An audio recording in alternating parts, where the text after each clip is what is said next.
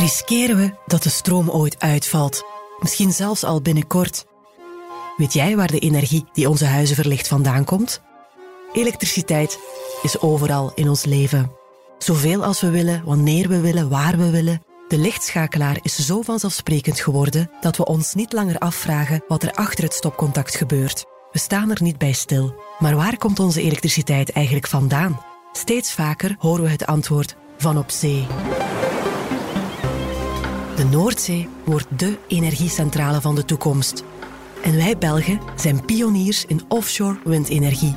Over enkele jaren nemen we het eerste energieeiland ter wereld in gebruik. Zo'n 45 kilometer voor onze kust. Een kunstmatig eiland vol met hoogspanningsinfrastructuur dat de tweede windmolenparkzone met het vasteland zal verbinden. Dat eiland zal onze elektriciteitsnetten verbinden met die van Denemarken en het Verenigd Koninkrijk. Onze samenleving gaat een nieuw tijdperk in. We bereiden ons voor op het decennium van de elektrificatie. Fossiele brandstoffen worden afgebouwd. En hernieuwbare energie neemt een hoge vlucht, midden in de energie- en klimaatcrisis. We zijn klaar om over te stappen. We zijn ready to switch. Klim mee aan boord van de helikopter naar het MOG, Modular Offshore Grid, Elias schakelplatform in de Noordzee.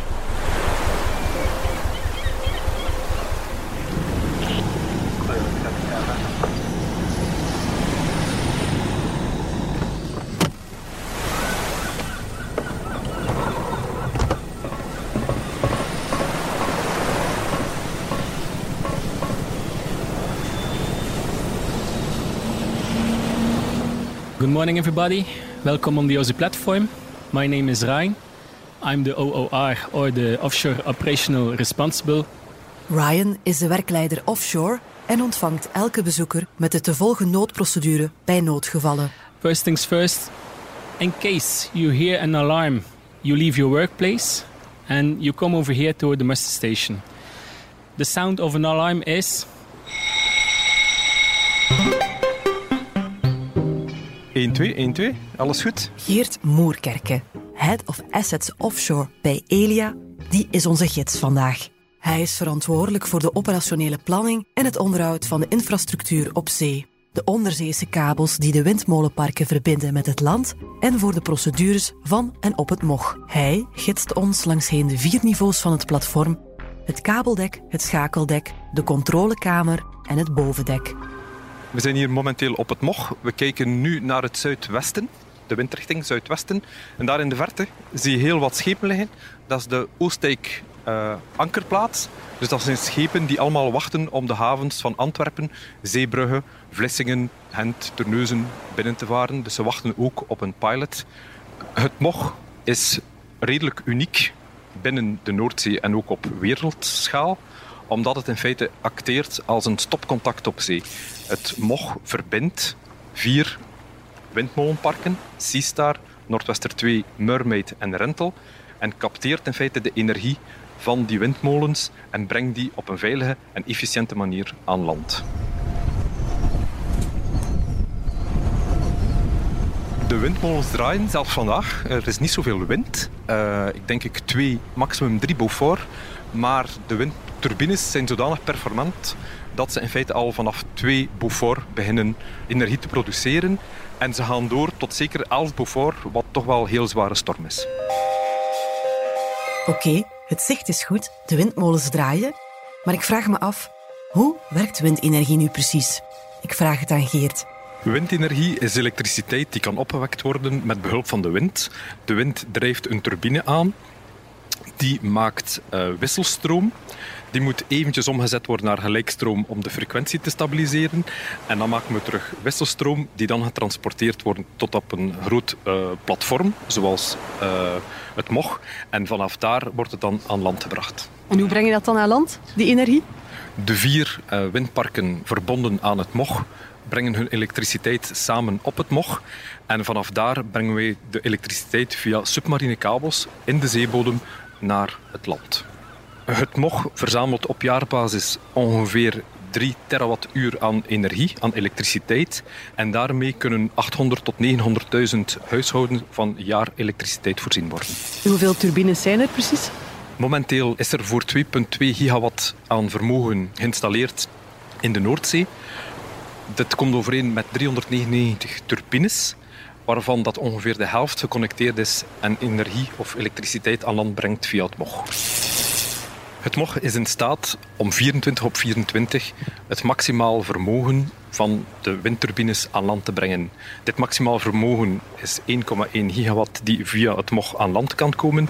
Maar omdat het hier over windenergie gaat en de wind niet altijd even krachtig waait, is een groot deel van de tijd het maximale vermogen niet bereikt. Maar hoe kan je dat dan uh, oplossen? Komen er dan nieuwe windparken bij? De huidige afgebakende zone in België voor uh, offshore windproductie is momenteel vol. Die komt overeen met 2,2 gigawatt. Maar in de toekomst is er nu een nieuwe zone geïdentificeerd, de Prinses Elisabeth concessiezone, waar er tussen 3,1 en maximaal 3,5 gigawatt aan nieuwe windenergie zal kunnen geproduceerd worden.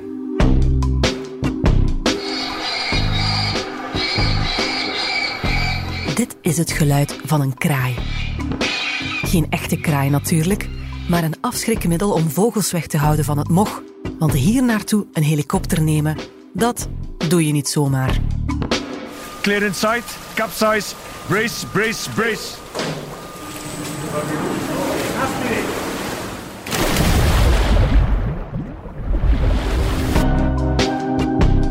Elke persoon die het MOG bezoekt, moet vooraf verplicht een intense safety training volgen. Om op het ergste scenario voorbereid te zijn. Dus ook een helikoptercrash. Die wordt door de instructeurs gesimuleerd.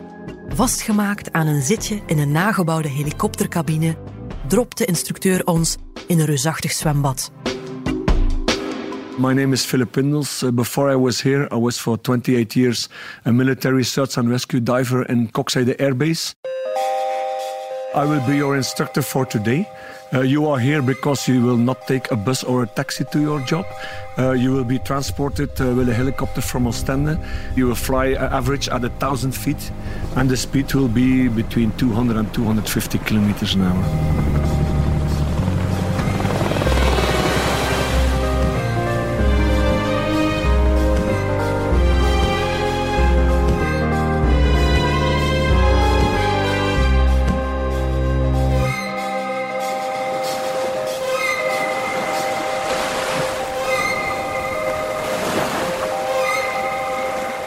Laat ons naar beneden gaan, naar het kabeldek.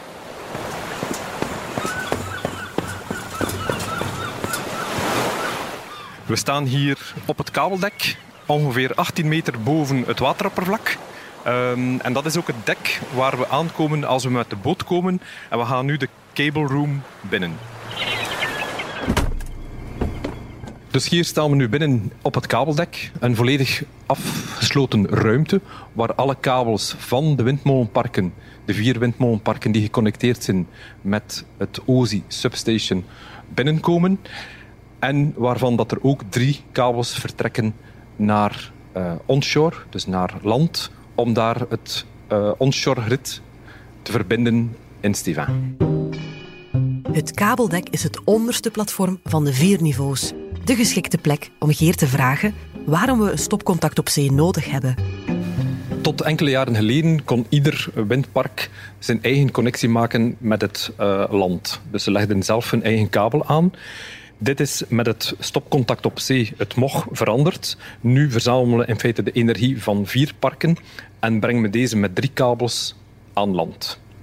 Het voordeel is dat je natuurlijk één kabel minder hebt, dus het is goedkoper. Ja? Het heeft ook minder impact op het milieu. Maar het is ook vooral dat je een bepaalde zekerheid hebt als je één kabel verliest, dat je nog twee andere kabels hebt waarover dat je de energie kan transporteren, wat met de vroegere verbindingen één op één niet mogelijk was. Ja, nu gaan we van het kabeldek naar de bootlanding. We doen het luik open. En we hebben een prachtig zicht op de zee onderaan. We gaan naar beneden. We staan hier aan de bootlanding. Uh, we staan klaar om op het platform te gaan. Iedereen heeft zijn uitrusting aan. Normaal gezien, als we met de boot komen naar het OZI-platform, dan vertrekken we uit Oostende. De transfertijd is ongeveer een uur en een kwartiertje. Iedereen doet zijn uh, materiaal aan om te klimmen. En dan duwt de boot tegen een van de pijlers van het platform. En de volledige crew stapt over om offshore hun werkdag te starten.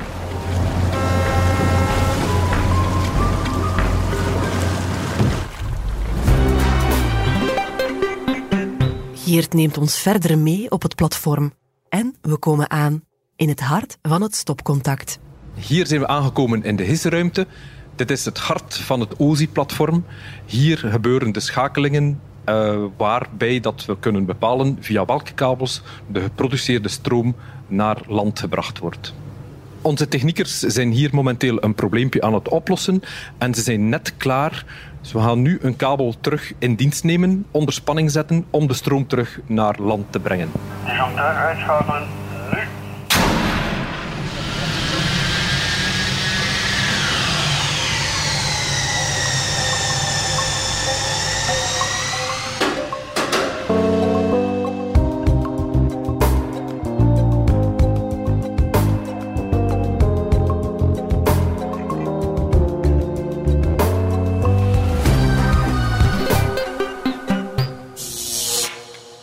Op dit schakelplatform wordt de windenergie doorgesluist naar land.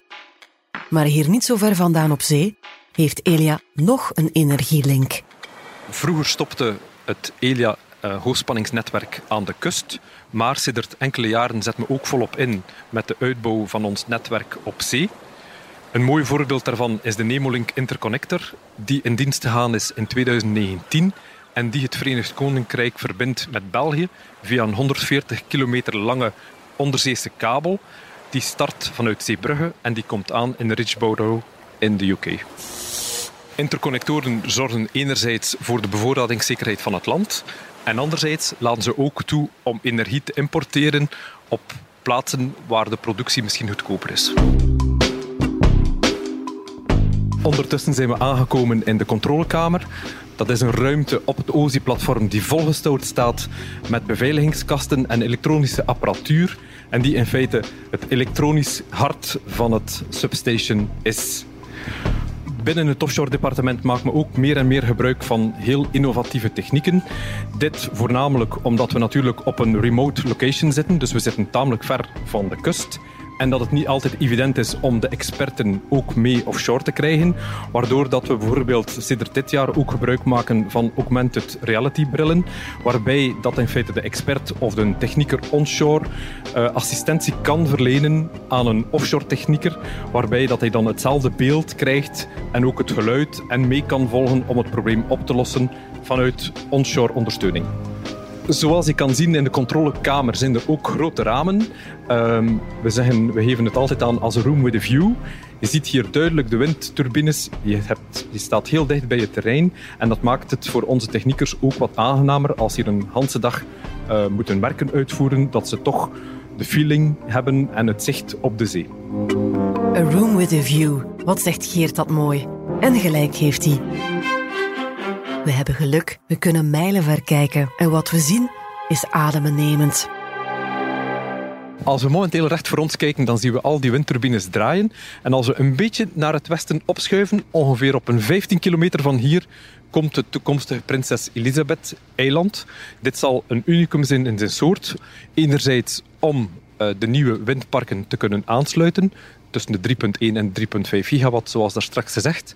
Maar anderzijds zal het ook toelaten om nieuwe interconnectoren uh, aan te leggen die in feite België en het Belgisch net verbinden met het buitenlandse grid. Ja, en welke interconnectoren worden dat dan?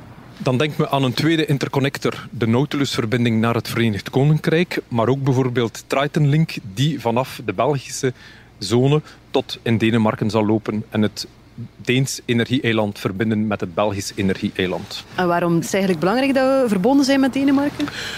Denemarken is echt een pionier in windenergie.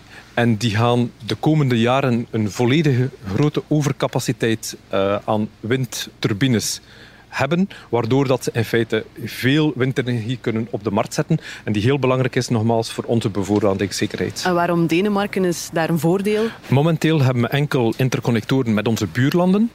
Maar een interconnector met een land zoals Denemarken, die toch wel de komende jaren heel wat investeringen plant in offshore wind, en dat geeft ons de mogelijkheid om wind te importeren vanuit een andere windzone. En waarom bouwen we dan eigenlijk een eiland in plaats van een nieuw platform zoals het MOG bijvoorbeeld? De initiële plannen van Elia voor de Prinses Elisabeth-zone waren inderdaad drie platformen om de capaciteit van 2,1 gigawatt te connecteren en aan land te brengen. Ondertussen zijn die plannen uitgebreid en spreken we nu over 3,1 tot 3,5 gigawatt. En ook tot twee extra interconnectoren, waardoor dat het in feite beter was om een eiland te bouwen, een artificieel eiland te bouwen, dan grotere platformen. Een eiland op zee, dat heb ik al vaker gezien. Maar hoe bouw je in godsnaam een eiland op zee? Uit het niets. De bouw van het eiland is een grote uitdaging. We zitten hier op 40 kilometer in zee. Uh, vandaag is het redelijk kalm, maar je kunt je voorstellen, bij stormen is het een heel uitdagende locatie. Dus hoe gaan we zo'n eiland bouwen? We hebben een ontwerp waarbij dat we een, een soort prefab caissons maken. Dus betonnen blokken die we op het land kunnen bouwen. Die we dan al varende, slepende tot op de eilandlocatie brengen. Laten afzinken en op die manier de contour van het eiland maken. Ja. En dan achteraf gaan we dan de binnenkant van die zone opvullen met zand die we lokaal kunnen baggeren hier, die hier ter plaatse is. Het Prinses Elisabeth-eiland kan dus mogelijk een gamechanger zijn. Maar al die energie moet ook zijn weg naar ons vinden. En dat loopt niet van een leien dakje. Welkom terug in Studio Vlaams Parlement. Als we de windenergie van op zee aan land willen krijgen, hebben we niet alleen een groot stopcontact nodig, maar ook een hoogspanningslijn. Dat Ventilus-project loopt dwars door West-Vlaanderen en zorgt voor vonken tussen politieke partijen. Ventilus en d'Hainaut staan duidelijk onder hoogspanning. Maar hoe belangrijk zijn die twee projecten voor onze toekomst? De twee projecten, in d'Hainaut en de Ventilus Link, zijn heel belangrijk omdat dit in feite nog altijd twee hiaten zijn in het hoogspanningsnetwerk. Enerzijds moeten ze de backbone, de ruggengraat van het Belgisch hoogspanningsgrid vervolledigen. En anderzijds zijn ze ook nodig voor de nieuwe concessies binnen de Prinses Elisabeth om daar ook die windenergie op een veilige manier onshore te brengen. Indien deze twee projecten niet kunnen gerealiseerd worden, dan kunnen we de, nieuwe Prinses Elisabeth windconcessiezone niet aansluiten. En nu we hier letterlijk oog in oog met de toekomst staan en kijken naar waar de Prinses Elisabeth-zone zal komen, vraag ik Geert hoe hij de toekomst van onze energie ziet. De Noordzee is de energiecentraal van de toekomst. Ja. Ehm, de capaciteit aan toekomstige windproductie in de Noordzee kan tot 300 gigawatt bedragen. Ja? Als we dan denken dat we tegen 2050 met de Green Deal klimaatneutraal moeten zijn, dan moeten we blijven verder investeren in de uitbouw van ons hoogspanningsnet op zee. Het MOG en Elia gloeien van enthousiasme om volop de kaart van de Noordzee te trekken als de energiecentrale van de toekomst. Maar zal dat volstaan? Als iedereen massaal gaat switchen naar elektrische wagens, elektrische verwarming, naar zoveel mogelijk elektrificatie, zullen we genoeg energie kunnen opwekken. Zal het licht blijven branden komende winter? Antwoord zoeken we in het NCC, het Nationale Controlecentrum, waar Elia het evenwicht van vraag en aanbod tot op de seconde monitort. Op naar aflevering 2.